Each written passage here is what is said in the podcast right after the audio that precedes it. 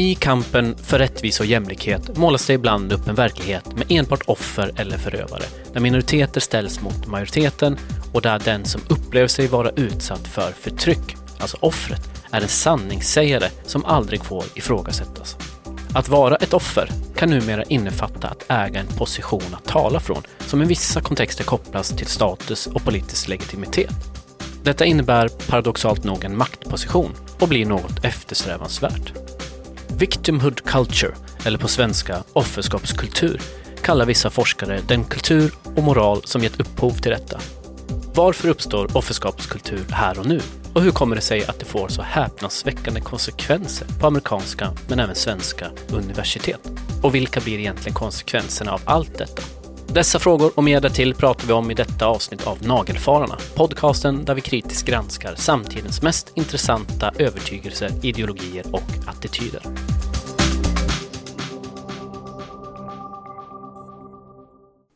Hej David! Hej Maria! Tredje avsnittet, Mm. Nagelfararna. Du får gärna börja med att presentera dig själv. Ja, Vem är du? Ja, vem är jag? Maria Jansson Gunman. Eh, vad kan man säga om mig? Jag studerar till att bli psykolog. Mm.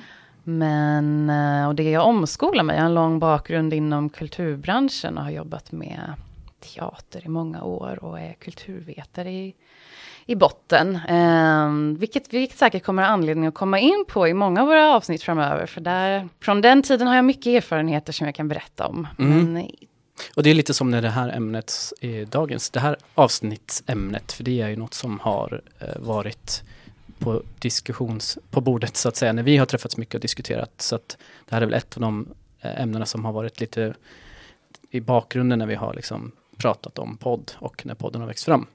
precis. Offerskap, vi har, alltså victimhood culture är ju ett begrepp som används på engelska. Och jag antar att man får översätta det till offerskapskultur för att säger man offerkultur så är det väl något helt annat man pratar om. Mm, mm. Offerskapskultur eller, eller offermentalitet om man vill prata lite på mer psykologisk nivå. Men offerskapskultur då?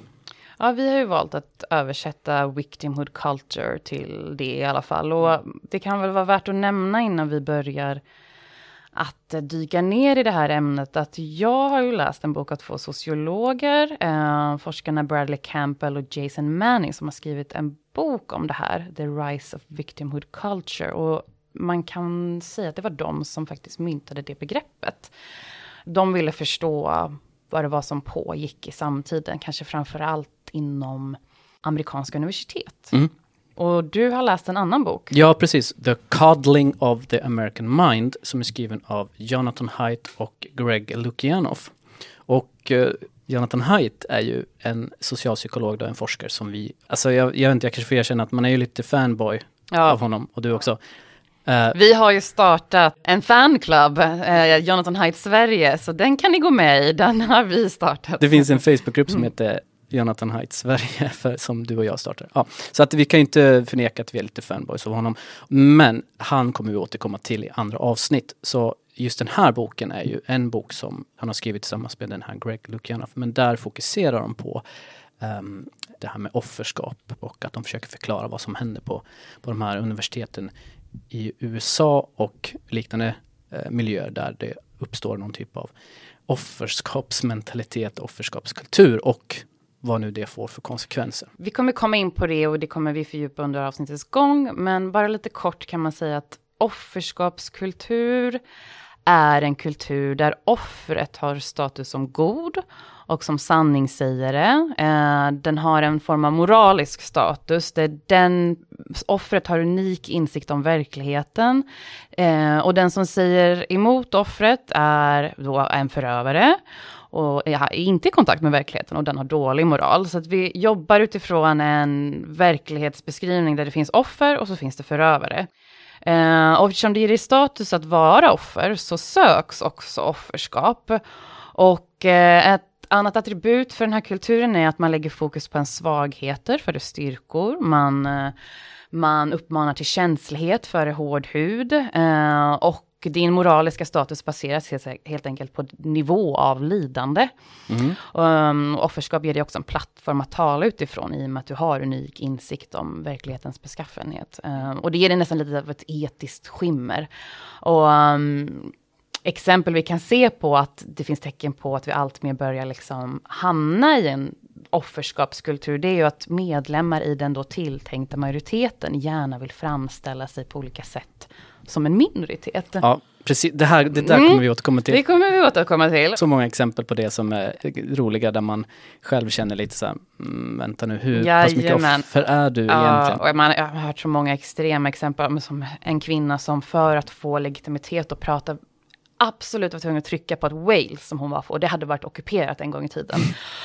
ah, för att avsluta då, offerskapskultur uppmuntrar till vad ska man säga, en känslighet för all form av negativitet, men också eh, uppmuntrar den till ett ökat beroende av av, eh, av auktoriteter för att, för att kunna hantera de här olika konflikterna som kan ske moraliska konflikter som kan ske i, i verkligheten så behöver man alltid uppmärksamma dem och be om hjälp från tredje instans. Men det här kommer vi återkomma till. Det här är väldigt intressant för det är en viktig del av offerskapskultur. Mm.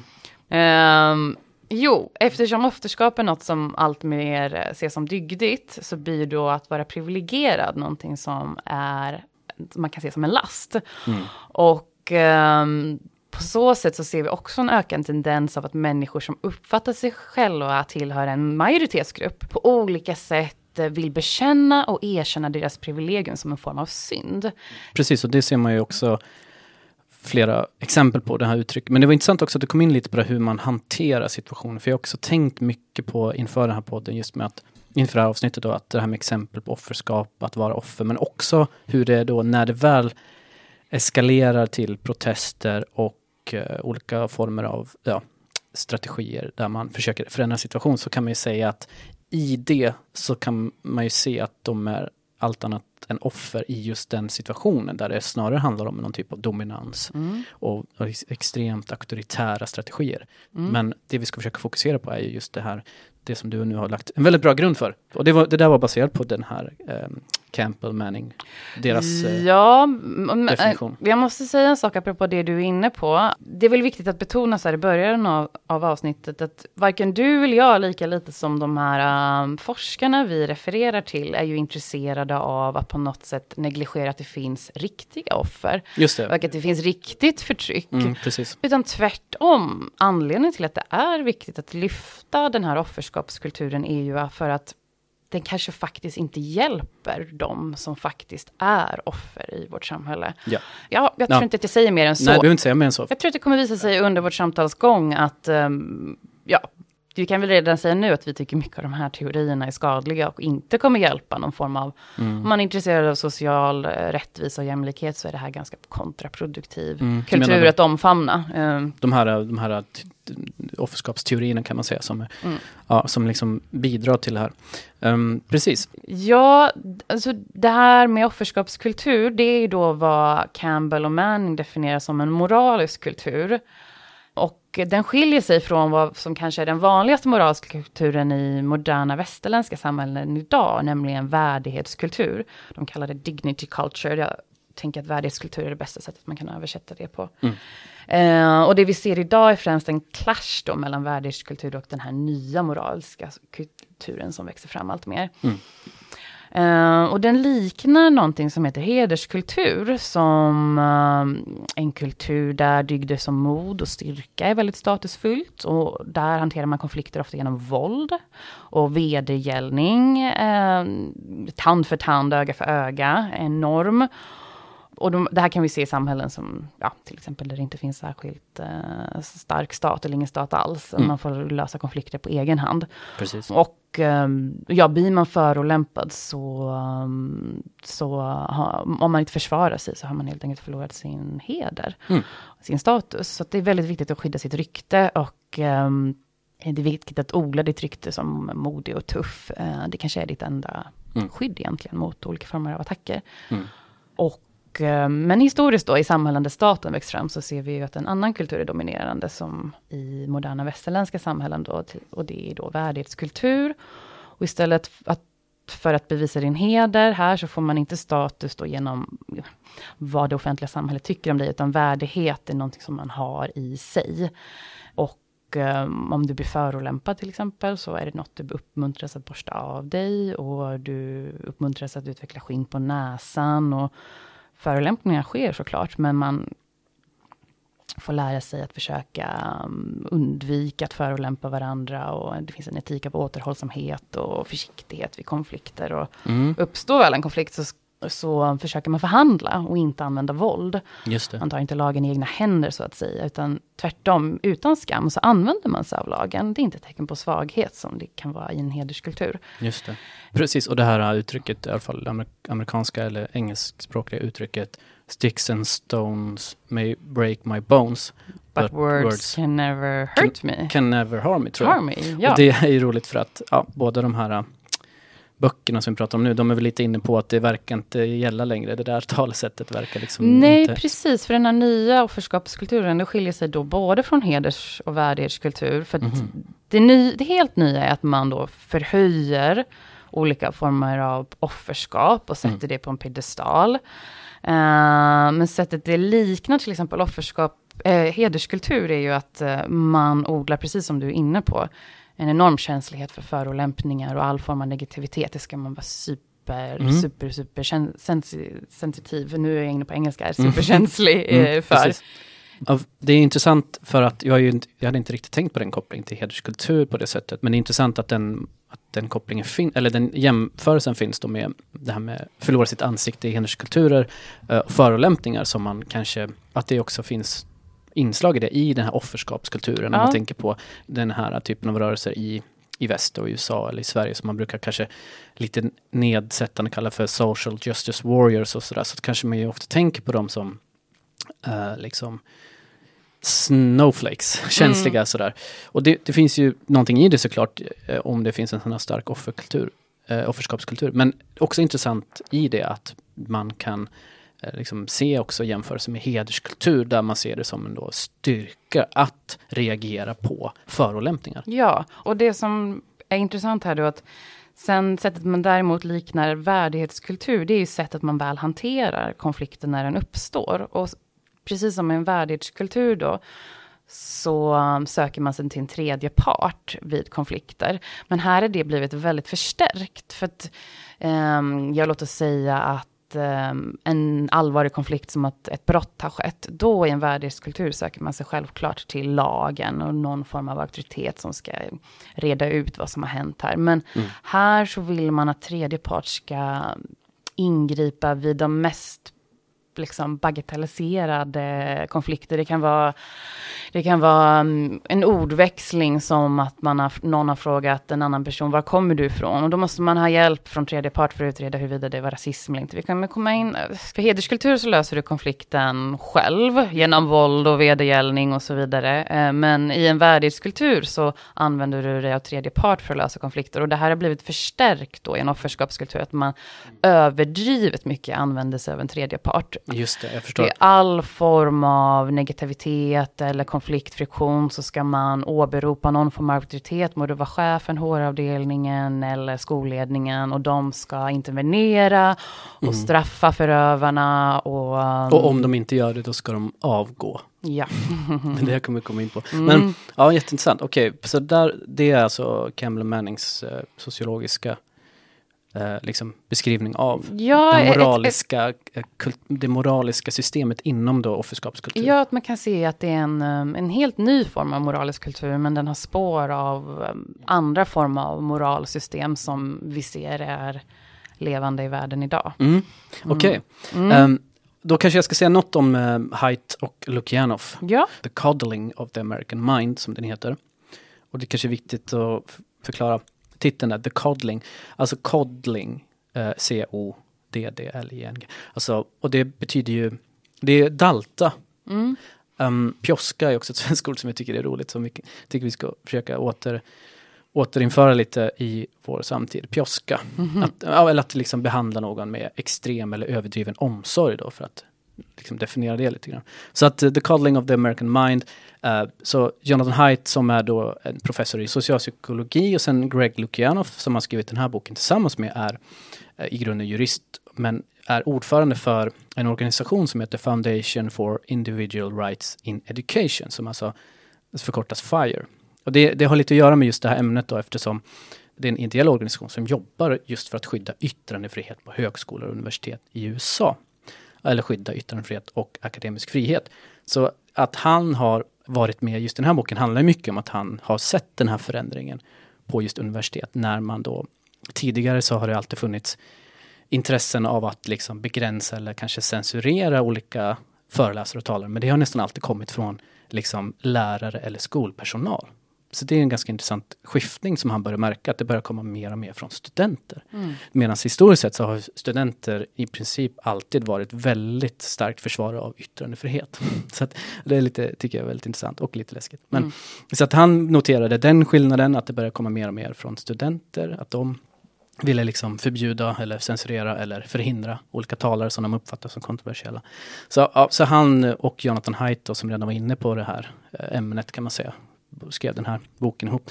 De ser liksom lite grunden här till, till den här typen av äh, miljö som genererar eller liksom främjar den, här, främjar den här typen av offerskapsmentalitet som de är inne på är ju också äh, att de, de menar att det finns slags, ett slags missförstånd om hur människan funkar. För det första, de använder det här med begreppet anti-fragility. Anti alltså, och det har de lånat från Nassim Nicholas Taleb som har, och, och det handlar ju om fragilitet, alltså uh, skörhet eller bräcklighet, alltså om man är fragil. Och poängen som, uh, som de gör med att använda anti-fragility, det är för att man måste förstå att vi människor är antifragila. Och för att förklara vad de menar med det, varför de inte använder bara att vara något som är tåligt till exempel. Mm. Och, och de menar att det funkar inte riktigt eftersom om någonting är skört och bräckligt så tänker man ju lätt att motsatsen är liksom redan tåligt. Eller saker som tål saker. Men de menar att människor är med anti-fragility, det vill säga att de behöver vissa eh, påverkan, stressfaktorer, utmaningar för att utvecklas. Yeah. Så det är därför de använder just det här. Och de menar att det, så att ha den här idén om människan som bräcklig, som de menar är inbakat i de här miljöerna. Att man behöver skyddas och att man inte får utsättas för någonting. Och i boken pratar de väldigt mycket om varför just den här generationen som kommer nu då, generation mm. iGen, eh, eller generation Z då, som ett annat begrepp för iGen står för Internet Generation. Då. Men, så det är de som är födda efter 95 menar ju att det har väldigt mycket att göra med en uppfostran, eh, uppfostrans kultur i USA som på 80-talet blev väldigt, väldigt överbeskyddande. Ja. Uh, väldigt så här, moraliserande utifrån ja, med rädsla för att någonting skulle hända och istället så utsatte oss inte för någonting. Och det har ju, och inte bara fysisk säkerhet utan då emotionell säkerhet. Yeah. Ett tillägg på det, mm. de beskriver väl någonting som heter helicopter parenting, um, vilket uh, apropå det du är inne på, att det här nya föräldraskapet som handlar om att man överbeskyddar barnet, att då har de undersökt att man har förstått att föräldrar nu för tiden, om barnet är på en fritidsaktivitet eller leker med någon kompis, så helikoptrar cirkulerar för föräldrarna runt där. Mm. De är alltså väldigt nära och är konstant beredda att ingripa om minsta lilla grej händer. Mm. Och de uppmuntrar barnen inte att lösa konflikter på egen hand, utan konstant finns de där och mm, vid minsta lilla känsloyttringar är de där och hjälper barnet. Så barnet får liksom inte lära sig att bli autonom och självständig på något mm. sätt. Precis, och det, det, det, är därför de använder det här antifragil då, alltså att det det förklarar lite hur vi funkar. Vi behöver, och de är väldigt noga såklart förklara att man behöver, man ska självklart ha fysisk säkerhet och, och skyddas från, från det givetvis. Och man ska inte utsättas för någon typ av, eh, inte göra någon överdriven destruktiv eh, psykisk liksom, påfrestning. Men, men bortsett från det så menar de att man har liksom missförstått. Och det är det vi ser på väldigt mycket universitet. Idéer om då att människan är då fragil, då, alltså att den ska skyddas från från då olika typer av alltså emotionell utsatt, alltså bara att vara emotionellt säker, vilket är en väldigt ny idé på det sättet. Ja, angående generationer så finns det en statsvetare som heter April Kelly Wasner som 2015 eh, har visat i sin forskning att dagens unga är mindre toleranta mot politiska idéer än deras egna. Och det är en trend på, på 60 år som bryts i och med den här uh, generationen som du pratade om, Gen, Gen Z, eller vad heter de? Ja, det finns ju, vissa kallar dem för Generation Z, alltså Z, men det. En, ett annat begrepp är iGen, då, alltså internet generation, de som är uppväxta. Liksom. Ja, en intressant grej med det här också, att de som är under 40 idag, mm. och som är mest bekymrade över social orättvisa, paradoxalt nog visar sig i olika mätningar vara de som är mest intoleranta mot idéer som inte liknar deras egna. Ja. Det är ganska intressant. Det är jätte, jag är inte alls förvånad, jag har sett fler sådana exempel. Det är också, alltså IGN är alltså de som är födda efter 95. det är också den här iGen-generationen. Det är också de som är mindre benägna att ha sex, mindre benägna att dricka alkohol och ta körkort. Uh, också visar att de läser betydligt färre böcker och tidningar, jobbar mindre och lägger mm. mindre tid på att träffa andra människor.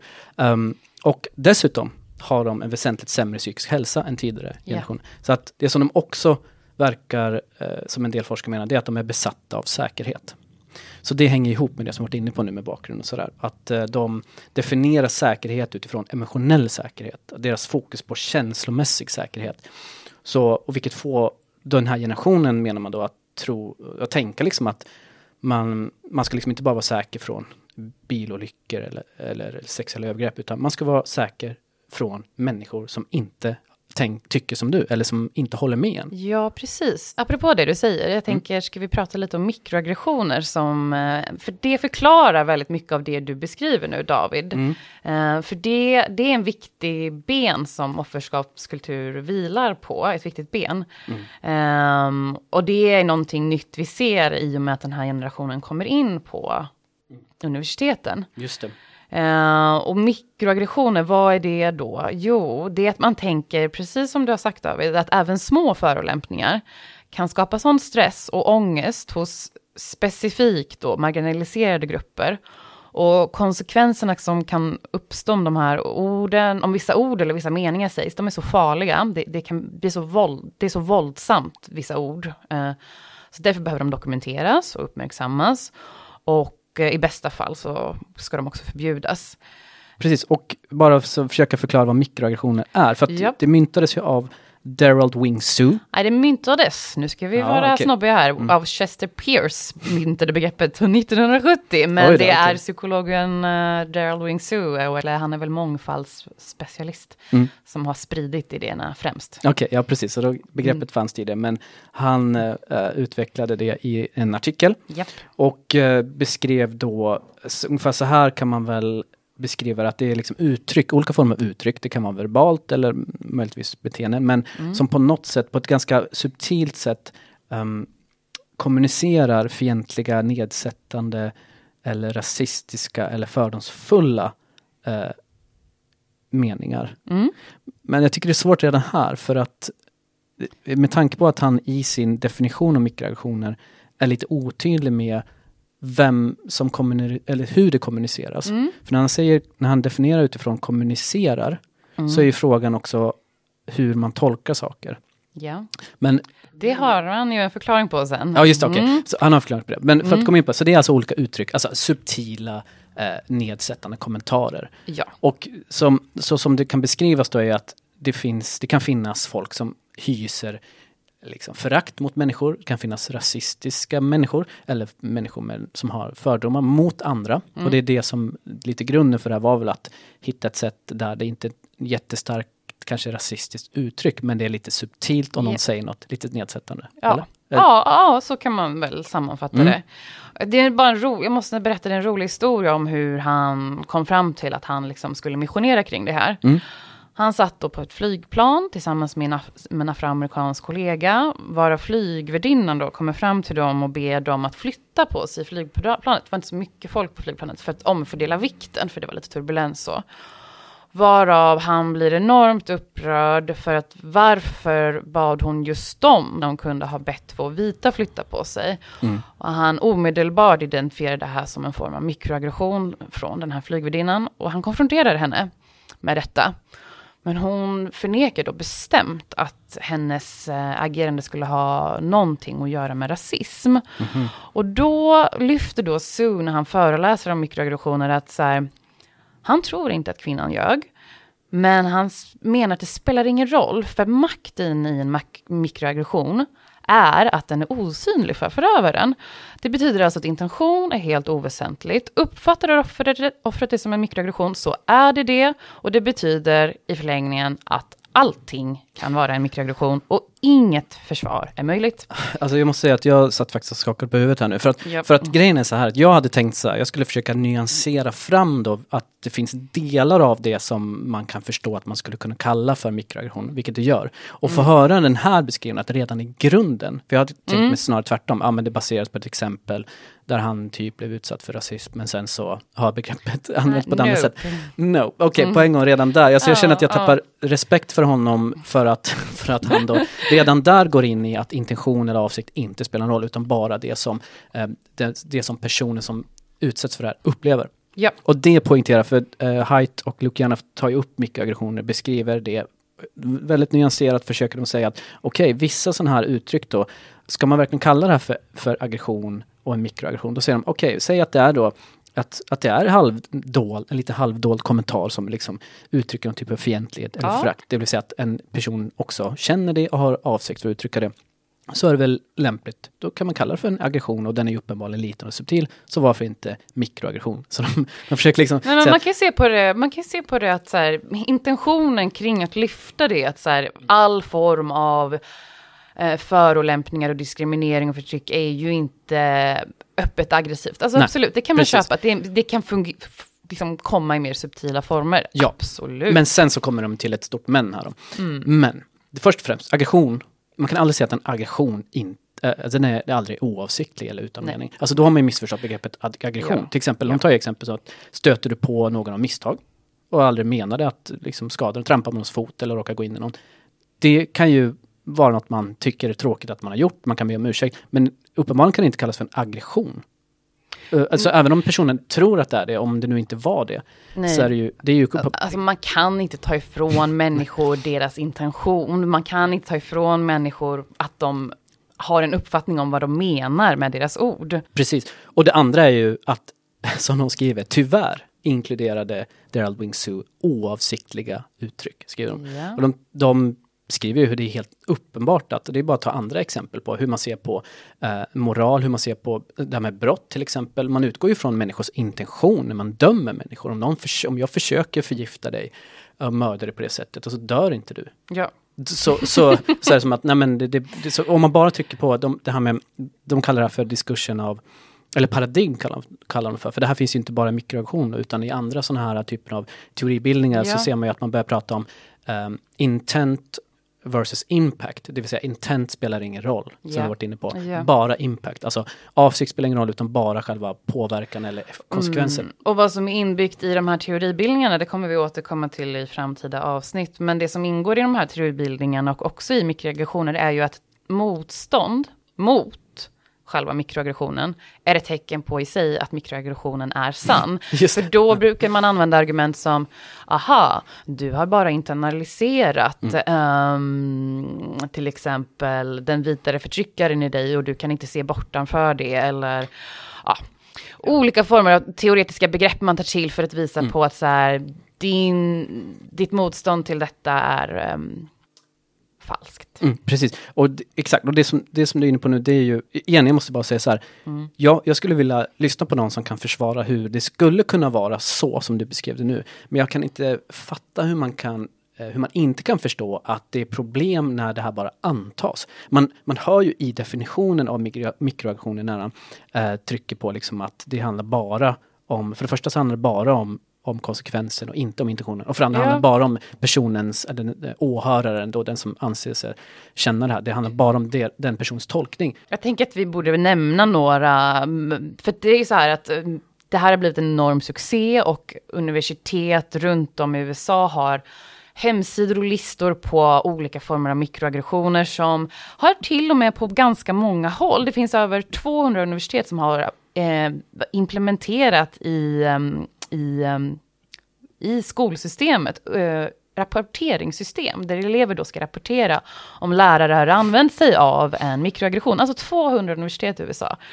Och nu, jag tycker att det är viktigt innan vi diskuterar vidare, för det här är superintressant, att vi Ja. också för, så att våra lyssnare förstår absurditeten i detta. Ehm, att ge komplimanger till en kvinnas skor, det är en mikroaggression. Ehm, var, kommer, var kommer du ifrån? Det är en mikroaggression. Okej, okay, förlåt jag skrattar för att du, det gick så snabbt in på det som uppenbarligen är helt absurt. Jag hade också några exempel här. Jag hade först tänkt ta några så här, nyanserade exempel på, på vad som skulle kunna vara mikroaggression, för det skulle kunna vara ganska tydligt en form av alltså fördomsfull och kanske till och med rasistisk. Uh, men det är så uppenbart, jag tror att folk redan fattar fattar att, ja visst det kan finnas det, som vi redan varit inne på, om det är någon som subtilt uttrycker förakt på olika sätt. Men, men, vi kan stanna upp vid den då, var mm. kommer du ifrån? Absolut, beroende på intention och mm. sätt man säger det på i kontext, så skulle det absolut kunna vara någonting nedsättande. Mm. Men det kan lika gärna vara något nyfiket, något genuint, eh, något genuint eh, att man inte alls är ute efter att döma den personen på något sätt eller visa att du tillhör inte en majoritet eller mm. du tillhör inte den här normen. Mm, det är precis. ett sätt att make conversation på. Mm. Ja, så att när, man, när någon säger, om någon älskar mikroaggressions, liksom, teorin mm. eller analysen och mm. säger, ja men till exempel när man säger, var kommer du ifrån? Mm. Då är jag helt övertygad om att den personen tänker på ett, en specifik kontext som ja. man måste lägga till ja. för, att, för, för att få en, en vidare betydelse av vad, vad just i det fallet när man säger var kommer du ifrån innebär. Yep. Och precis som du sa, man säger på ett visst sätt. Men jag, jag fattar, man kan, behöver inte vara doktorand i filosofi för att förstå att utan den kontexten så är det helt uppenbart att det inte inneboende finns en mikroaggression i det bara genom att säga vem, vem säger det och nej, vem till nej, vem? Nej. Ja, man måste ju lägga till massa saker här. Så att om jag säger det till dig till exempel, mm. nu är du och jag mm. båda svennar och, och, vita, så att mm. jag menar, det är uppenbart att det inte är en mikroaggression då. Ja. Så att, poäng, och jag menar, om någon säger nej men man menar inte det, utan man menar när det är typ en vit som säger till en svart någonting sånt, eller en vit mm. som säger men har en annan etnisk bakgrund. Men, men då, det framgår ju inte bara i sig av att säga var kommer du ifrån? Så redan, Nej, min poäng är bara att det, det, är klart att det inte finns i själva beskrivningen bara att säga. Nej. Och det andra, ett annat exempel är ju, um, uh, vad var det för exempel, det här med uh, America is a melting pot. Mm. Och, och, där igen, det handlar ju om det här, det finns ju ett känt talesätt att America is a melting pot. Vilket, jag vet inte hur jag ska översätta det, men Amerika är liksom, det är grunden på Amerika, det är uppbyggt på en sammansmältning av massa olika människor från olika kulturer. Ja. ja. Och det används ju av massa olika skäl och vem, det är allt från konservativa till liberala kan ju använda det. Och jag tycker också det är liksom helt absurt att han inkluderar det redan i sin originalartikel och säger när någon säger en vit person, och just det här lägger han till lite, en vit person som säger att America is a melting pot. Hur i helvete är det en mikroaggression bara genom att en vit person säger det? Um, ja. Sen måste man lägga till massa saker som vi varit inne på. En vit person säger det till en svart person i ett visst syfte eller så vidare. Ja. Men jag tycker det är helt absurt att då eh, redan här så uppmuntrar han till liksom att ja, men allt sånt här ska tolkas som en mikroaggression. Och, då, mm. och det som Haidt och Luke är inne på, de, de trycker på att, de säger till och med, för de är väldigt mycket inne på att visa på hur den här typen av offerskapstankegodset eh, så att säga så kopplar de väldigt mycket till eh, KBT. Hur, ja, mycket som, ja. hur mycket det här går emot KBT. Och vi ska väl också säga att KBT det är en form av psykologisk metod för um, kognitiv, kognitiv beteendeterapi. Ja, precis. Ja. Det, är, det är en sån väldigt, ja, men, det är väldigt mycket evidens kring olika, till hur KBT hjälper för olika ja, psykiska ja. ohälsa och så vidare. Men ja. det är jättebra att vi, för nu är jag så inne i det här att jag glömmer bort det. Mm. Så att de poängterar ju till exempel att, att kritisera mycket, det har ju du varit inne på, man kan inte kritisera idéer i det här, för då kan det vara mikroaggression. Ja, det är en mikroaggression i sig att kritisera mikroaggression. Ja. ja beroende på vem det är som kritiserar såklart. Um. Just för att ett annat exempel som han eh, tog med Sue i artikeln, det är ju att en terapeut säger till en klient, tror du verkligen att dina, dina problem härrör från rasism? Och det tycker jag är jätteintressant att tänka på för att å ena sidan, det skulle väl kunna vara mikroaggression men det kan ju också vara så här, säg att en person sitter och liksom har, liksom har massa problem som har att göra med något helt annat och terapeuten mm. tycker det är uppenbart. Men den liksom försöker projicera det på liksom rasism. Det är klart att terapeuten för den här klientens hälsa säger, mm. kan det här ha andra saker att göra? Mm. Så att eh, de, menar, de poängterar att enligt SUS egen logik kan alltså kognitiv beteendeterapi i sig vara en mikroaggression för att den utgår ifrån att man ska um, få klienter att liksom ifrågasätta sina egna tankemönster. För KBT som varit in, alltså kognitions, ja. kognitiv beteendeterapi liksom bygger mycket på att dina egna eh, invana tankemönster kan liksom förstärka dina, din psykiska ohälsa ungefär så. Så att de menar på att eh, KBT kan ju ja, eftersom den bygger på att man ska, att man ska vara kritisk och ifrågasätta till sina egna tankar så kan ju det då vara en mikroaggression. Ja men precis, KBT eller psykologi i grunden grundar sig på att det ofta kan vara så att människors tankemönster är en stor källa till lidande och att genom att, och genom att lära sig att tänka annorlunda är det ett bra sätt då att minska lidandet. Mm.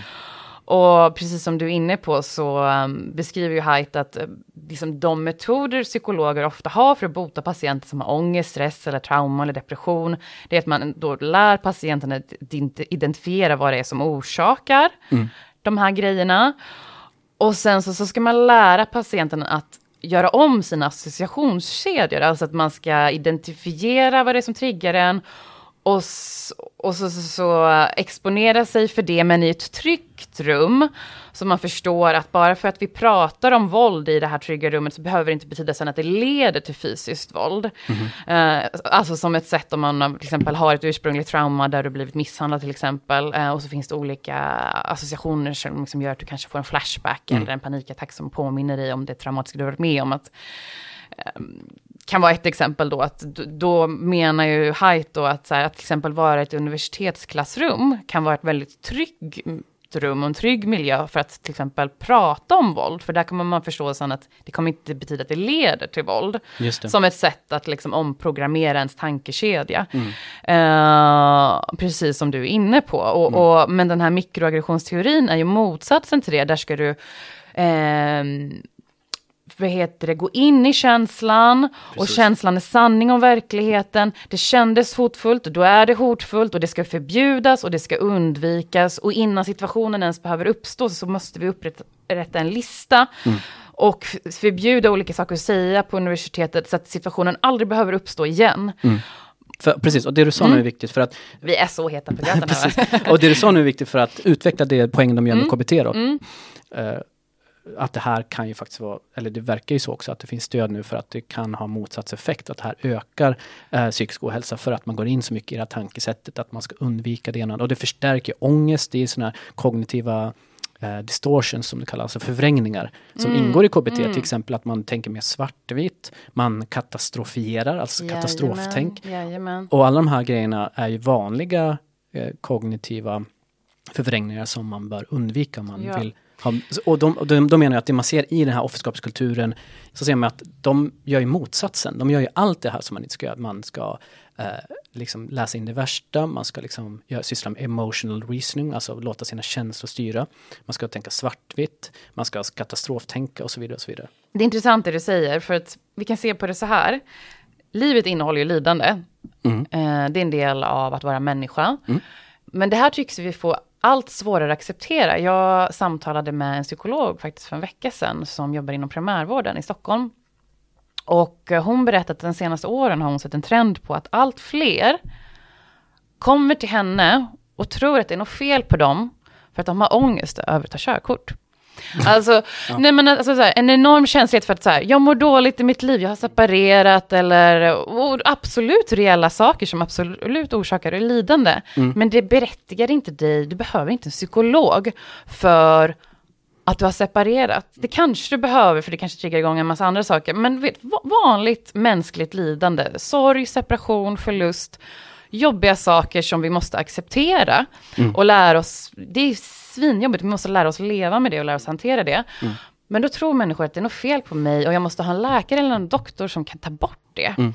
Exakt. Och i och med att det är något djupt mänskligt att vi lider, mm.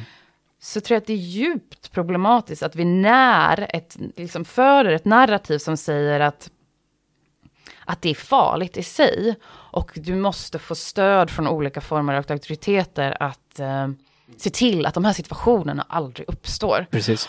Och precis som du är inne på, eh, i och med att man inte gör det, utan tvärtom eh, omfamnar eh, negativa känslor och du ska fokusera allt mer och mer på dem och också uppmuntra till att se på dem som någonting väldigt farligt. Mm. Så här, bara för att uttrycka mig enkelt. Mm. Om du förväntar dig att det finns en rasist i varje buske, då kommer du också se en rasist i varje buske. Alltså den som söker ska finna. Mm, det är egentligen det enda jag vill säga. Ja, ja, exakt. Och det är precis det. De, eh, I boken så tar de ett exempel på ett eh, påhittat exempel. Säg att du ska sitta hos en terapeut och säga att ah, jag har lite ångest. Och så säger de, va?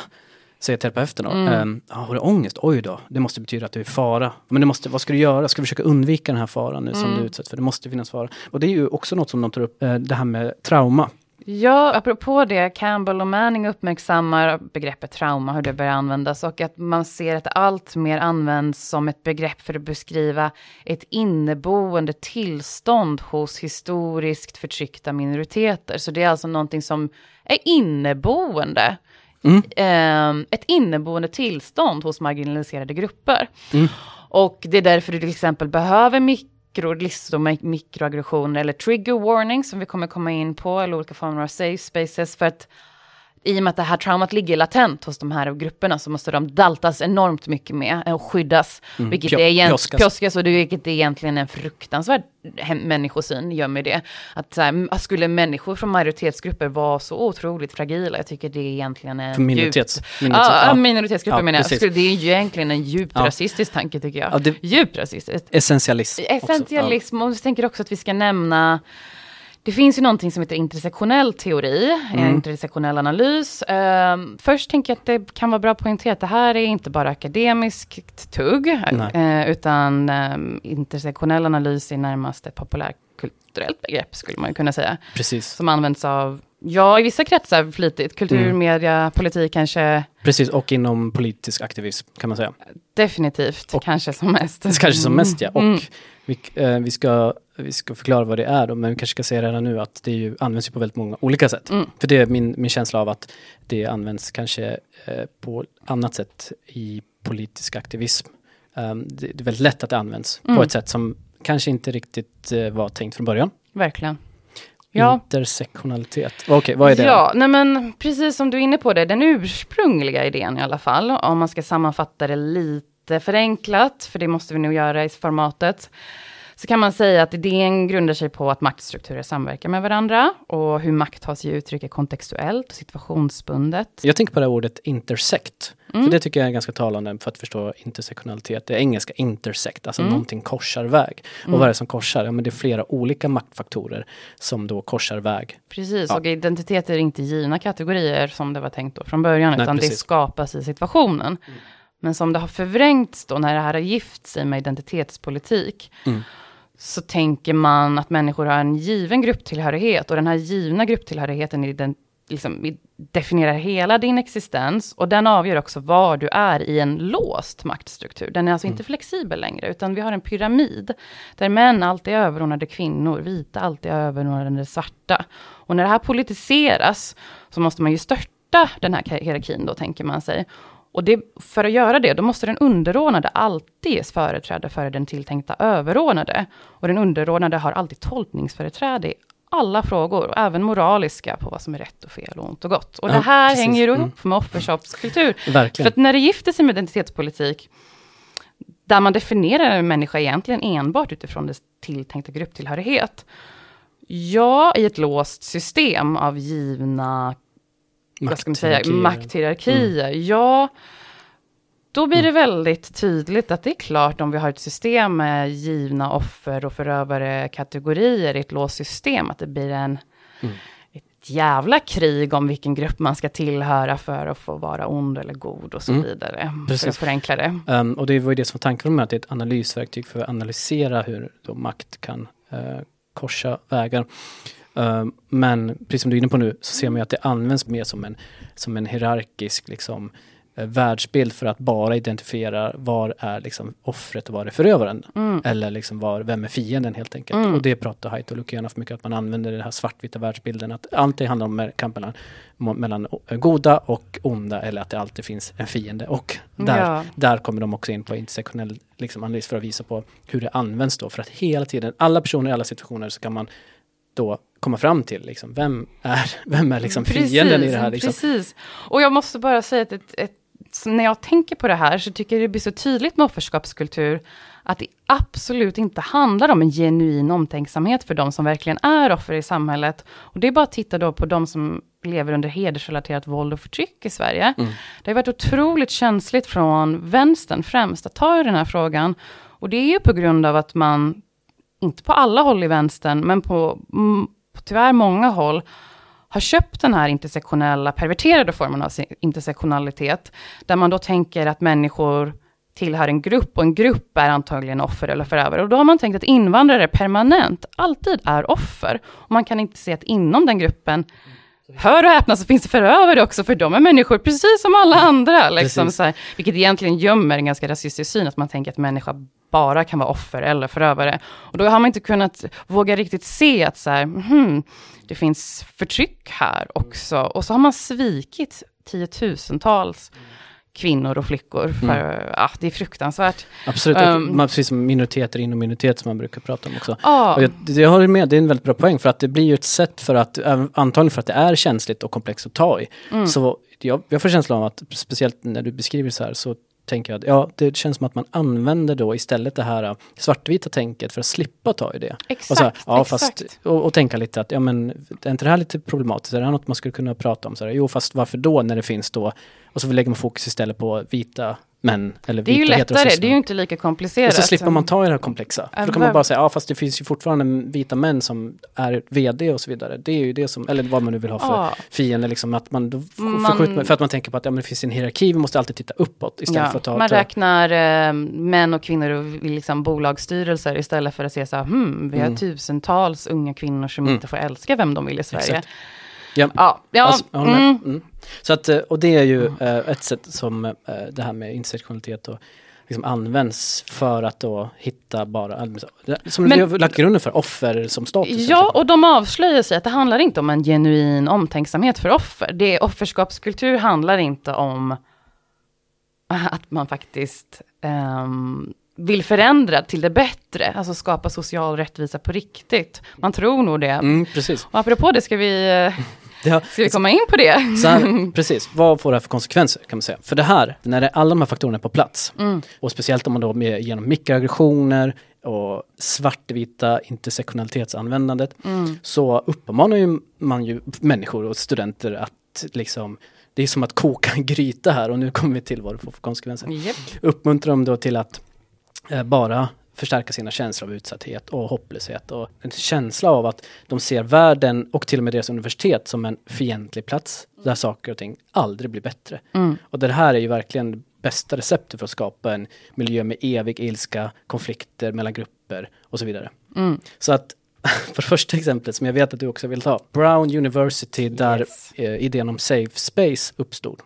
Och det här skulle man bjuda in eh, två, det var två kvinnor som skulle debattera ordet rape culture, alltså våldtäktskultur. Mm. Um, och båda var, båda var feminister. Ja. Men den ena var väl mer liksom, den ena var kritisk till begreppet rape culture. Den andra ansåg att jo, men man kan prata om att USA är en rape culture för att det finns så mycket kvinnohat och så vidare. Um, men den andra som var kritisk mot begreppet, hon tyckte att nej, det här underminerar vad som är faktisk våldtäktskultur. Det vill säga mm. länder, en del icke-västerländska länder som det är liksom helt och hållet Uh, man liksom, kvinnor blir våldtagna och blir straffade för det i princip. Yep. Liksom, det finns ingen norm, ingen juridisk stöd eller någonting för att det här skulle vara någonting fel. Yes. Okej, okay, så det var hennes poäng. Men det här var ju fruktansvärt tyckte vissa studenter att den här personen skulle komma och överhuvudtaget kritisera begreppet våldtäktskultur. Så då um, ser man ju, dels ser man ju att de använder begrepp som vi varit inne på, att de ser att de känner sig hotade, de känner sig inte säkra. Och man skulle kunna tänka, men det behöver inte gå på den. Mm. Men nej, så funkar det inte mm. utifrån en offerskapskultur. Så att det man gjorde då, eftersom man inte lyckades få, um, hindra den här ena kvinnan att komma, nej. det måste man ju ge universitetet. Mm. Men istället så var de tvungna att göra någonting då, för det räckte inte med att de bara inte gick och lyssnade, utan det var tillräckligt eh, hemskt och farligt att de bara visste att den här personen kom och pratade. Så det högskolan då, eller universitetet, Brown University, anordnade ett alternativt panelsamtal. Mm om våldtäktskultur fast utan debatt. Ja. Så att studenterna, äh, studenterna kunde liksom gå dit och höra om hur USA är en våldtäktskultur utan att de konfronteras med andra perspektiv. Och det var argument. väl också en plats där elever och personal kunde få öva på att hantera trauma? Precis, men mm. utöver det här alternativa mm. äh, panelsamtalet där det inte skulle mötas, vara någon debatt eller mötas mot argumenten. Yes. Så, för det räckte liksom inte utan de kände att de behöver liksom någon typ av safe space mm. som de kunde gå till. Och de studenterna skapade ett, ett, de här studenterna ska man väl säga, skapade då ett, ett rum mm. där de kunde gå för att uh, återhämta sig för att uh, det här kändes så jobbigt. Då. Och rummet som de kallar för safe space, var utrustat med kakor, målarböcker, eh, så blåsa bubblor, Mm. som play-doh, alltså modellera, lugnande musik, kuddar, filtar och, Och- en video av valpar som, som rullade runt. Och studenterna, ja, så såg rummet ut. Och det Mm. här är alltså på helt, det här är alltså helt sant. Alltså jag bara känner att jag vill bara Ja, poängtera nej, men, det här är ju liksom helt otroligt, tycker jag. Att det här överhuvudtaget uppstår på ett universitet. det säger hur långt någonting har gått. Det, det är bara så otroligt fascinerande och Ja. det är också väldigt roligt att läsa citat för det här låter Mm. som att det är någon som Det här citatet från en student som var på det här safe spacet eh, En student uttryckte sig så här I was feeling bombarded by a lot of viewpoints that really go against my dearly and closely held beliefs. Ja, det säger ju allt. Jag skulle kunna tro att eh, det här låter ju som om man, man hör det här om man inte förstår att det, att det ser ut så här, då skulle man kunna tro att det är någon som hittar på och så försöker göra eh, karikatyr av, Mm. av den här typen av miljöer. Mm. De som har kritiserat det här, de säger att universitet ska inte vara en plats som, definitivt ska man vara eh, liksom fysiskt säker och definitivt ska man vara säker från, från sexuell trakasserier och annat, men absolut inte varken emotionellt säker och framförallt ska man kunna utmanas i sina intellektuella, liksom, uh, sina åsikter, man ska utmanas i sina uh, resonemang. Det, det är det som, är, som ligger i det här, det är att det här är ju en så extremt cynisk och förnedrande bild av individer som är studenter. Jag skulle bli helt uh, tokig om folk skulle förvänta sig att jag behöver de här sakerna. Och Ja. jag förstår att man kan tolka det som att okej, men du kanske inte vet hur det känns och sådär. Jag måste komma ihåg att det är väldigt många som kritiserar som har den här typen av, som är icke-vita eller som har minoritetsgrupp Mm. som säger bara fuck that shit, det där är inte, Absolut. alltså, skulle ni hålla på och säga att jag inte klarar av det här och det här, eh, till exempel ska jag inte få, som det uppstod där i Storbritannien när det var någon som protesterade mot att det var så mycket vita filosofer i antik, eller liksom så Platon och Mm. Aristoteles, om de nu ska kallas för vita, är ju kanske lite ohistoriskt då, men det tyckte de. Och det var ju många som kritiserade det, att det är ju så här rasistiskt att påstå att svarta, för det var ju någon poäng där, om att svarta kanske inte kan relatera till de här filosoferna. Och det är ju helt jävla absurt. Alltså det är ju så sjukt är rasistiskt så då att att då svarta, liksom, det är ju kanske liksom identitetspolitik draget till sitt bäst då, men att man kan liksom inte ens, man är så olika i sin identitet så att Mm. man, man kan liksom inte relatera till det här liksom. Mm. Vilket i princip säger, okej så du menar att svarta då inte har förmågan till filosofiskt eh, liksom tänkande och verksamhet då, Mm. för det var väl ändå det som de där gamla gubbarna sysslade med, ja, oavsett om de var vita så var det, det liksom grunden för filosofi. Så att jag bara kommer att tänka på det exemplet. Ja, verkligen.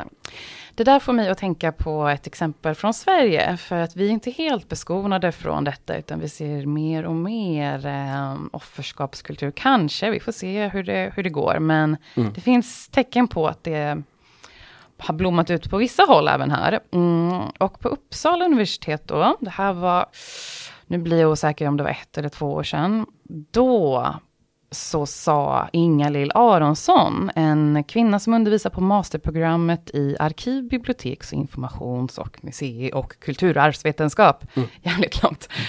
Eh, ja, hon undervisade i det här på, vid Uppsala universitet och som avslutning då på en kurs så satt eh, lärarna i en panel och studenter kunde ställa frågor till dem.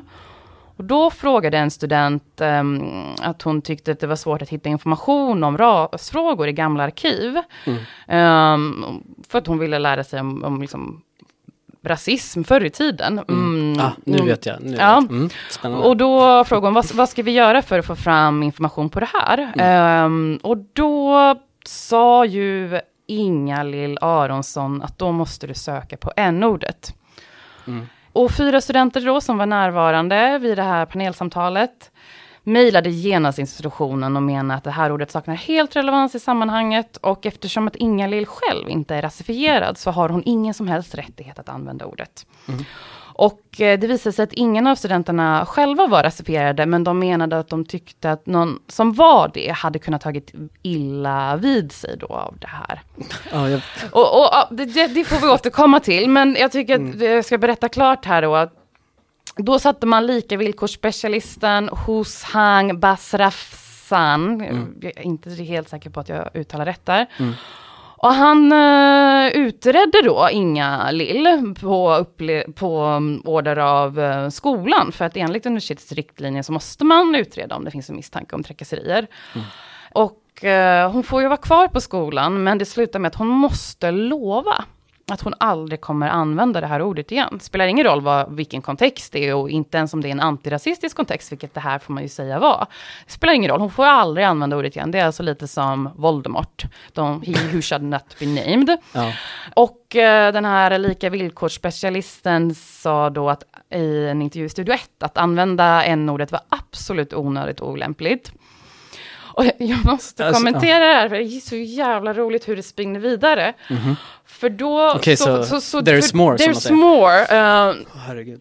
Eh, det här är ju illa i sig då, men det blir lite en rolig twist på det, för att då när journalisten i, i eh, P1 frågar honom om vilka ord som inte är okej att säga då, då säger han i studion där hora. Och då är och det slutar med att Academic Rights Watch eh, anmäler honom för diskriminering för att han använt det här ordet. Och, och, och, han, och inte bara på grund av det här, utan kanske främst att han med rätta liksom får kritik för hur den här utredningen har skötts gentemot Inga-Lill. Eh, han har då, apropå offerskapskultur, kallat dem som kritiserat hanteringen för rasister och fascister. Och tycker väl mm, att själv att han är ett offer. Um, och hur ska vi se på det här då? Ja, för det första, de här studenterna som vi har varit inne på, vad är det för jävla människosyn att tro att en människa i ett sammanhang där det tydligt inte är menat för att förolämpa någon, utan tvärtom tydligt menat för att ta reda på information om, eh, som man kan lära sig om, till exempel, skulle man kunna säga antirasism. Så hur fungerade rasism förr i tiden? Det är ju jätteviktigt att förstå om man vill kämpa mot rasism. Men i kontexten spelar det ingen roll. Och också så här roligt att de då, nej men vi tror att någon annan kan bli kränkt, de blev inte kränkta, men någon annan kan nog bli det, så därför måste vi se till att hon blir utredd. Det är så jävla sjukt. Ja, det var ett väldigt bra exempel, för jag trodde faktiskt inte att det fanns så bra exempel där ändå den logiken var så pass um ja, extrem får man väl säga, som, som, om man nu ska använda ordet. Men jag, jag visste faktiskt inte det. Men Men jag har en förklaringsmodell lite snabbt bara på varför vi ska förstå att det här händer just på universiteten. Och Manning och Campbell, de här so- sociologforskarna, de menar att anledningen till att det här kan hända, den här kulturen kan uppstå här och, ju, här och nu, eh, det hänger ihop med att vi lever i ett väldigt pluralistiskt samhälle som premierar saker som jämlikhet och rättvisa och även bestraffar, både genom lagen men även socialt, förtryck, diskriminering, speciellt när det kommer till et- etnicitet och kön. Vi har generellt sett en intolerans mot intolerans. Och det är ju någonting bra. Men eh, moraliska fördömanden av tecken på orättvisa och jämlikhet förutsätter att samhället har en hög grad av rättvisa och jämlikhet. Annars skulle man inte bry sig om det. Och på så sätt kan vi förstå att kulturen uppstår just på amerikanska universitet, som är en plats där det här verkligen premieras. Alltså jämställdhet och pluralistiskt samhälle och intolerans mot intolerans. Och så samtidigt så har man en hög grad av pluralitet och olika sociala, grupp, sociala grupper möts på jämställda villkor. Och samtidigt, och det här är viktigt att förstå, att så finns det en stark administration. Alltså en stark auktoritet. Och som dessutom får allt mer och mer ansvar att skydda eleverna mot faror. Ehm, och den här kulturen, menar Campbell och Manning, kan bara uppstå på platser där man har möjlighet att använda sig av en tredje part, alltså auktoriteter, för att lösa konflikter. Och det är just därför att alla de här ingredienserna finns, som universiteten blir epicentrumet för Ja. victimhood culture. Just det, jättebra. Och det passar väldigt bra in, för här, det exempel jag tänkte ta nu, där är ju en, en um, äh, lärare som på, från, det här på Yale University, eller Yale University har tydligen Ah, är det halloween? Ja. Yes. Halloween-dräkter. Det här är, eller Yale University har tydligen eh, liksom under liksom, grupper av college. Så det här är Silliman College som tillhör Yale University. Och angående det här med att använda sig av en tredje part hela tiden, för det här är en lärare som ifrågasätter det. Och hon, hon skrev då ett mail till eh, studenter och eh, administratörer där hon ifrågasatte om är det verkligen lämpligt för själva administratörerna på Yale, Yale att ge vägledning om hur studenter, till studenter om vilka halloween-dräkter som är lämpliga och olämpliga. För det, var, det hade alltså skett. Det här hade, hon hade sett hur de administratörer gav ut riktlinjer vad som är. Och hon ifrågasatte det genom att först berömma dem i sitt mejl. Så skriver hon det är väldigt bra med det här engagemanget för att försöka eh, liksom, göra så att människor slipper bli kränkta eller upprörda eller sårade. Mm. Men hon skriver så här, hon oroar sig för att den, den här växande tendensen att odla sårbarhet hos studenterna kan medföra okända kostnader. Och hon uttryckte oro över den institution, det här institutionella utövandet av kontroll över studenterna. Och uppmanade de här studenterna och på deras gemen- collegegemenskap att reflektera lite själva. Om de som vuxna kanske kan sätta normer för sig själva och hantera oenigheter mellan varandra. Ja, precis. Hon skrev väl att hon trodde att elever var mogna nog att lösa konflikter själva. Ja, men där hade hon fel. Hon skriver prata med varandra och så skriver hon också, och det här, så säger hon så här, prata med varandra och sen skriver hon yttrandefrihet och förmågan att tolerera brott är kännet, eller, ja, avvikelser då, är kännetecknen för ett fritt och öppet samhälle. Och vad hände då när hon skrev det här mejlet? Så hon- kontroversiellt va? Oj, oj, oj, att hon ens antar det. Ja. Att hon ens antar eller vågar påstå att de här studenterna skulle vara vuxna att hantera, sätta upp egna normer och kanske hantera sådana här konflikter själva. Mm. Så att en, ja, det är väl inte, givetvis som alltid inte alla studenter, men en grupp studenter som då gjorde den här tolkningen då. Okej, hon, eh, heter, hon heter Erika, Erika Christakis. Yes. Hon är uppenbarligen eh, för rasistiska halloween-kostymer. Ja. Det är en Det är att det på. kontentan, Ja, ja. det är kontentan. ja. Uh, eftersom hon då vågade nämna yttrandefrihet och, och att hantera det själv. Då. Men det här ledde till då att en grupp studenter började organiseras som blev väldigt upprörda över det här. Ungefär 150 studenter då gick in på gården där Christakis hem var. Alltså hon bodde liksom på campuset då, som, som lärare på det här Silverman College. Så att uh, utanför hennes gård så samlades 150 studenter och de började skriva i krita på, på backen. Vi vet var du bor. Ja. Och hennes make var också en, en, eh, var någon slags rektor för det här, eh, Nicholas Christakis, som var någon slags rektor för det här colleget. Och här finns det alltså Youtube-klipp som jag verkligen uppmanar folk att gå och titta på. För då filmar de när han går ut på gården någon dag när de, de samlats och han försöker prata med dem. Och han lyssnar och de anklagar honom för att vara rasistiskt och eh, vara avhumaniserande liksom och så vidare. Mm. Skapa ett osäkert utrymme, mo- möjliggöra våld och så vidare. Och så börjar de skrika, varför kan du inte bara be om ursäkt? Och han säger, men jag kan be om ursäkt. Jag, vilket man kan tycka att han tar på sig lite mycket, men han säger, I, I apologize for causing you pain. Mm. Och så är det någon i den här alltså, gruppen som säger Mm. Uh, what you did was create violence to happen. Och så säger han, that I disagree with. Och så hör man liksom folk bli helt chockade och liksom någon börjar nästan gråta där. Liksom. De, helt, de, de kan inte fatta hur han kan säga det. Och det är någon som skriker, that's not a debate. Alltså för att de tycker liksom, hur kan du säga att du inte håller med där? Trots att han först säger, jag håller med om det här. Han ser, jag antar att han ser sig själv som, eftersom han har ansvar så säger han, okej jag ber om ursäkt för att jag har, ja, man kan tycka att det är lite långt, men visst. Men han säger att jag håller inte med om att jag har liksom orsakat våld genom att, jag vet inte vad, att hans fru skrev det mejlet. Och de säger helt enkelt att det inte ens är en debatt. Det som också uppstår i det här Youtube-klippet, det är han försöker förklara att jag vill lyssna på er. Och det förutsätter att det finns någon typ av gemensam mänsklighet, common humanity.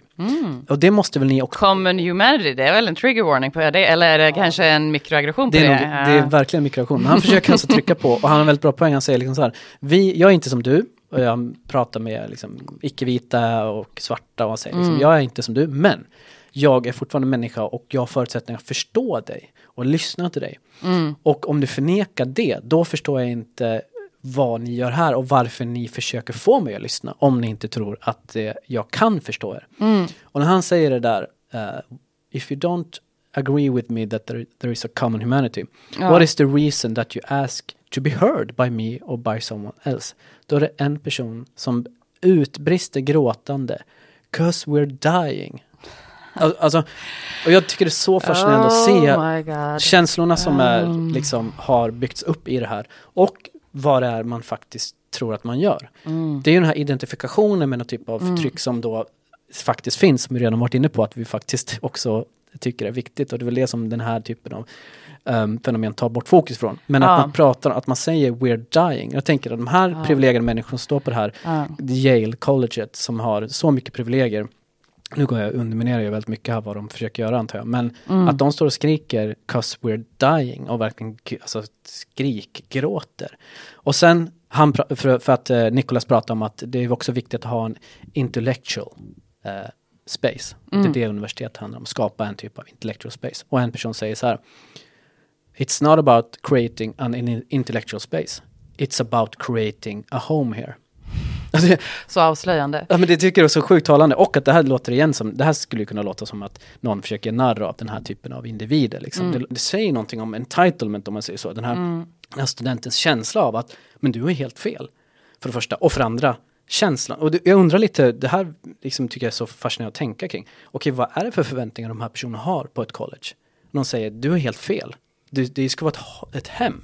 Och då tänker jag så här, vad har de för föreställningar innan de kom dit? Har de vuxit upp med längtan till att oh, komma till college, då kommer jag bli, komma hem, jag kommer få trygghet, allt Du kommer vet, vara så ehm, bekvämt, emotionellt bekvämt, jag kommer inte utmanas och allt kommer vara så himla härligt. Och sen helt plötsligt så är det inte så. Du vet sociologen Frank Fer- Ferrudi? Ferrudi, Ja, ja, ehm, han eh, har upptäckt att eh, två saker, ehm, eller jag vet inte om det var han som upptäckte det ena, men det ena i alla fall var Ehm, under de senare åren så har han börjat upptäcka att när nya elever kommer till universitetet så har de sina föräldrar med sig. Det är ett helt nytt fenomen. Ja. Helt nytt fenomen. Han var helt chockad när det började, men nu det har liksom blivit ganska vanligt och är mm, nästan norm nu för tiden.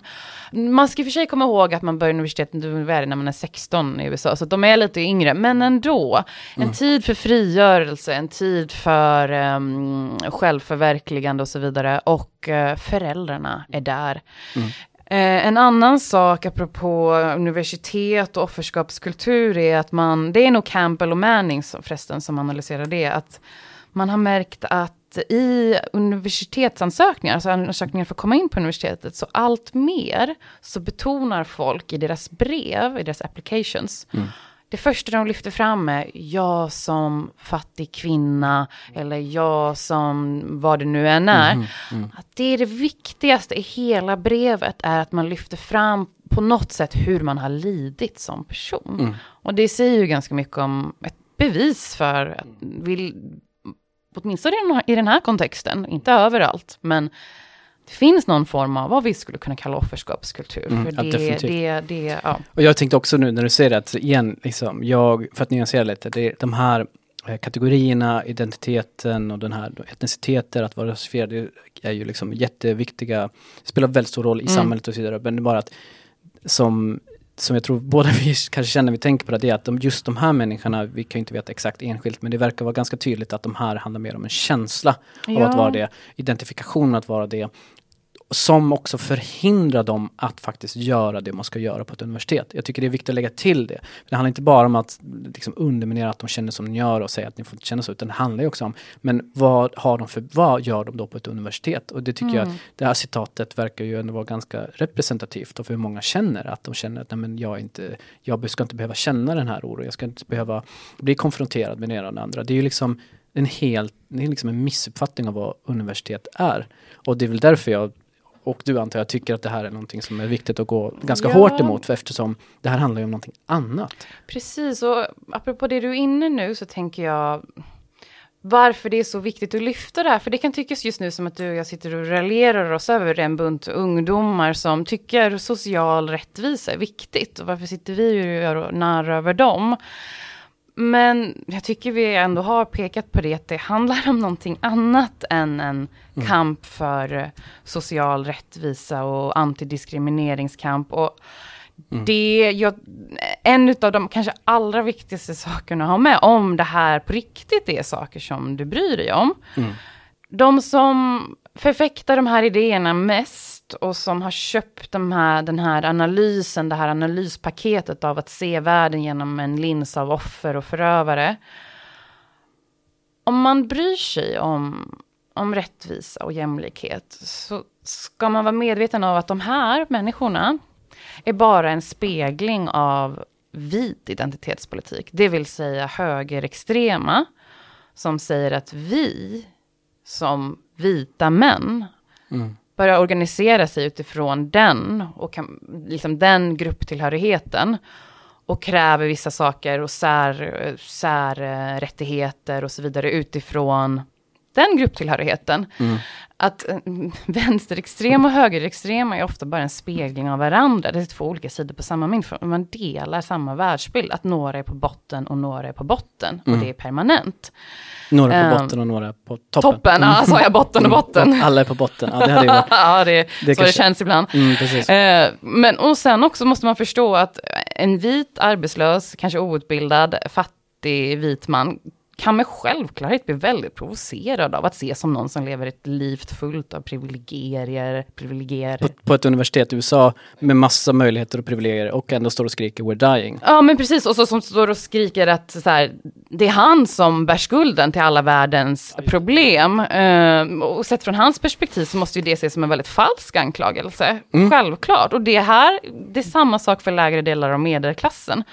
Man ska komma ihåg att de som driver den här världsbilden generellt sett är en, ett övre segment av medelklassen och ofta väldigt välutbildade. Mm, privilegierade. Uh, privilegierade på olika sätt ja. Eh, och- Det tycker jag syns på, eh, på alla de här exemplen och alla de här eh, Ja. studenternas. Ja, och men vi kan, jag tänker att Mm. vi absolut kommer kunna se mer av vit identitetspolitik. Och det kan man ju fråga sig om man tycker är någonting bra. Det tror inte Mm. Ja, jag. jag, Mm. jag förstår kopplingen, där, för det är precis det som jag också tycker är viktigt att se, liksom, att det finns ändå någon typ av, ehm, jag tycker att universiteten redan eh, går långt, åtminstone många universitet har redan möjligheter till att analysera de här sakerna utifrån maktperspektiv. Jag menar, jag pluggar ju sociologi just Mm. nu och det finns hur mycket möjligheter som helst att använda liksom, eh, den här typen av analyser för att studera ojämlikhet. Men det problemet är ju också att när man går så pass långt, om man tänker att det var det den här Niklas Kristoff vad hette, försökte säga att det finns olikheter men det finns också någon typ av humanistisk grund. Och visst, vill man vara super Eh, postmodern eller något sånt så kanske man vill ifrågasätta det. Men frågan är ju vad det får för konsekvens om man då lämnar att det finns någon typ av eh, universal grund för någon typ av humanistisk eh, ideal. För att, för igen, jag ser inget problem med att ha- det idealet och samtidigt ge väldigt mycket utrymme för maktanalyser, eh, eh, analyser av social ojämlikhet, privilegier och så vidare. Men när man liksom på något sätt tänker att man ska lämna till och med eh, det här eh, liksom universala Ja, ja. mänskligheten och säga liksom att nej, men vi ska inte ens utgå ifrån det. Vi ska inte ens, eh, det var det han försökte säga där, att det finns Mm. ändå någon slags grund. Så bortsett från de här olikheterna så bygger en universitet att vi kan hjälpa er att de, de här, ni ska inte bli diskriminerade på grund av det. Men Mm. det finns också en grund här och det är att ni är någonting mer än det. Ni är Ja. också individer som har intellektuell kapacitet. Och det är det som jag tycker är lite läskigt att se, att folk verkar inte förstå att det är det som liksom står på spel när man ska liksom säga att nej men identiteten tar liksom över eh, universal, humanistisk, alltså intellektuell Ja. kapacitet. Förstår du? Ja, Och det är det jag tycker är så absolut. fascinerande med Och- de här och- protesterna. Och man ska komma ihåg att det här är ju inte bara någonting som omfamnas av en, en bunt unga människor, utan det är ju också omfamnat av lärare, professorer, eh, media, kultur. Ett exempel är bara en professor, jag kommer inte ihåg vilket universitet det var, som ehm, hade sagt på en lektion, i julklapp önskar jag mig vit, vitt folkmord, white genocide. Mm. Och i och med att den här personen då identifierade sig själv som rasifierad så var det okej för honom att säga någonting så hatiskt och så fruktansvärt. För att i och med att vita är inneboende ras, liksom, rasister så, så är det ju alltid okej att säga vad som helst i den riktningen, uppåt så att säga. Eh, speciellt för eh, den här personen som identifierar sig som någon som var på botten då. Mm, Då får man ju alltid sparka uppåt. Mm. Det som är intressant med det här är också att det är så mycket hyckleri. Man ska vara enormt aktsam med vilka ord man använder och man ska vara så himla respektfull och aldrig säga fel ord. Men det går bara åt ett håll. Så du får inte ens säga n-ordet i ett antirasistiskt syfte. Mm. Men jag får säga att jag önskar mig folkmord av vita. Ja, Och det ja. där dubbla måttstockarna, Mm. det- Ja. Ja, man, det, då är man ute på farligt vatten. För att Mm. nämligen minoritet och majoritet är ingenting statiskt och det är väldigt kontextuellt. Så den, Mm. ja, Ja, jag förstår vad du menar. Ja. Men jag tror att också man ser väl att många reaktioner mot det här, folk är lite trötta på det där. Liksom. Jo, jo Men är- vi ser parallella rörelser. Vi ser Mm. att det blir bättre åt ett håll och sämre Mm. åt ett annat. Jo, det, nej men jag, jag förstår. Och det, det som är min frustration över det här, det är ju det som du faktiskt nämnde i början också, det här med att det finns riktiga offer och det finns riktig eh, ojämlikhet. mm, Och jag bara liksom vill skrika när jag ser på allt det här. Vad förändrar det här du håller på med? När du håller på med det här och försöker få den här dekanen sparkad liksom. Uh, Okej, okay, nu har vi redan varit inne på att förklara hur de tänker kring det, men mm. jag känner bara att det kommer ju Alltså det är sån illusion att det här skulle vara en, någon slags revolutionär kamp. Att få den, den här stackars dekanen sparkad ja. eller att den här eh, skolchefen måste förstå att det handlar inte om att skapa en intellektuell sfär utan det handlar om att skapa ett hem. Alltså mm. allt det där, det är så jävla världsfrånvänt och det är så långt ifrån liksom social ojämlikhetsförändring som man kan komma. Ja, istället för att identifiera, vad har vi för problem som skapar ojämlikhet i samhället mm. och på riktigt försöka titta på vad är problemen? Mm så behåller man ju istället bara status quo genom att säga allt är rasism, allt är sexism. Det är ett mm. effektivt sätt för att status quo ska mm. Ja men precis, ja. och där kan jag förstå den som, som är vänster och känner liksom är kritisk mot identitetspolitik. Liksom. Mm. För där känner jag också liksom att eftersom det från många håll, från vanligt folk kan man ju tycka, ja det är det med vänsterextrema som håller på, så kan man också säga, ja fast det beror på om man är vänster, för att det är väldigt många som klassisk vänster som säger att det här är ju oh, bara, ja. det här är ju liksom tjafs. Liksom. Det här har ingenting att göra med liksom, de materiella förhållandena, det har mm. ingenting att göra med en marxistisk analys Nej. om de ekonomiska förhållandena och vem som är liksom det här med produktion, vem som äger produktionsmedlen och mm. folkets liksom, mm. eh, inflytande. Och jag liksom har all sympati för de analyserna. Mm. Man kan ändå säga någonting om att uh, det här går inte bara att säga liksom vänster bla bla bla. För det är snarare någon typ av ny variant av någon typ av postmodern vänster möjligtvis. Eller så är det helt och hållet om man vill bara en väldigt, väldigt superliberal idé. Eftersom mm. det handlar bara om deras uh, individuella uh, intressen och upplevelser och inte om materiella förhållanden. Ja, ja, ja. Och med att de behåller status quo genom den form ja, av kamp de för. Ja, de är ganska privilegierade och de vill mm. ha uppenbarligen uppenbarligen försöker de avancera ännu mer status utifrån det, sitt intresse. Det finns ju marxister som analyserar utifrån, och det, jag vet inte om jag fullt ut själv vill vara så cynisk, men att den här um, det är ju en liksom explosiv bransch, alla som jobbar med mångfaldsfrågor och jämlikhetsfrågor och så vidare. Liksom, då finns det marxister som analyserar det så här, att de livnar sig på att rasism, eh, sexism och homofobi och så vidare finns. Mm. Mm, det är deras levebröd, att uppmärksamma det och att bota det. Mm. Så att, då är det ytterst viktigt också att peka på att de här problemen är extremt levande och överdriva hotet mm. från de här problemen. För det är ju ditt levebröd. Mm.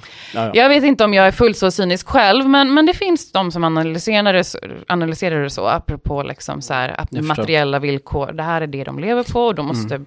Men framförallt de mm. som verkligen lever på det så kan man ju förstå att det är klart att det finns ett ekonomiskt intresse i det. Mm. Men för att förstå världsbilden så mm. tror jag nog att för mig i alla fall så räcker det inte bara med att ha en en eh, klassanalys eller en ekonomisk teori på att förklara just den här typen av eh, eh, sociala fenomen. Utan det är mm. uppenbart att det behövs någon typ av eh, kulturperspektiv också. Att ja. viss, som, och det är därför man pratar om offerskapskultur. Mm. Och den, men visst, det är en annan diskussion såklart, ja. hur mycket, vad, vad man ska ha en ekonomisk förklaring eller titta på liksom vad kulturella faktorer kan spela roll. Men mm. så att det här, man, det man kan säga utifrån det här det är ju att både utifrån eh, både de här böckerna som vi varit inne på men också alla de här exemplen så är det också väldigt tydligt att det här är ett otroligt fascinerande eh, fenomen mm. och att det har både att göra med sociala normer och sociala, en, en kultur som man kan prata om men också på individnivå och på psykologisk nivå, alltså vad ja. det här är för tankegods, vilka liksom eh, kognitiva scheman om man så vill som, som skapas utifrån det här. Mm. Och vad det får för konsekvenser, liksom att det här liksom uppmuntras och förstärks och att det kan leda till mm. psykisk ohälsa. Mm. Och det leder till liksom svartvitt tänkande. Och Ökad polarisering. Eh, Definitivt. Man nästan hetsar ju människor mot varandra genom den här Precis. Äh, världsbilden. Och det bland det värsta tycker jag är relativiseringen av viktiga begrepp som rasism, som diskriminering, som förolämpning. Det är viktigt att vi kallar saker för vad det är. Mm. Uh, för risken finns att när man urvattnar så viktiga begrepp för att förstå saker som händer i samhället, mm. kan bli men, den klassiska historien, vargen kommer, vargen kommer. Folk blir så trötta mm för att det har överdrivits för många gånger. Så då slutar man lyssna när ett verkligt, riktigt problem faktiskt finns framför våra ögon. Mm. Um, ja.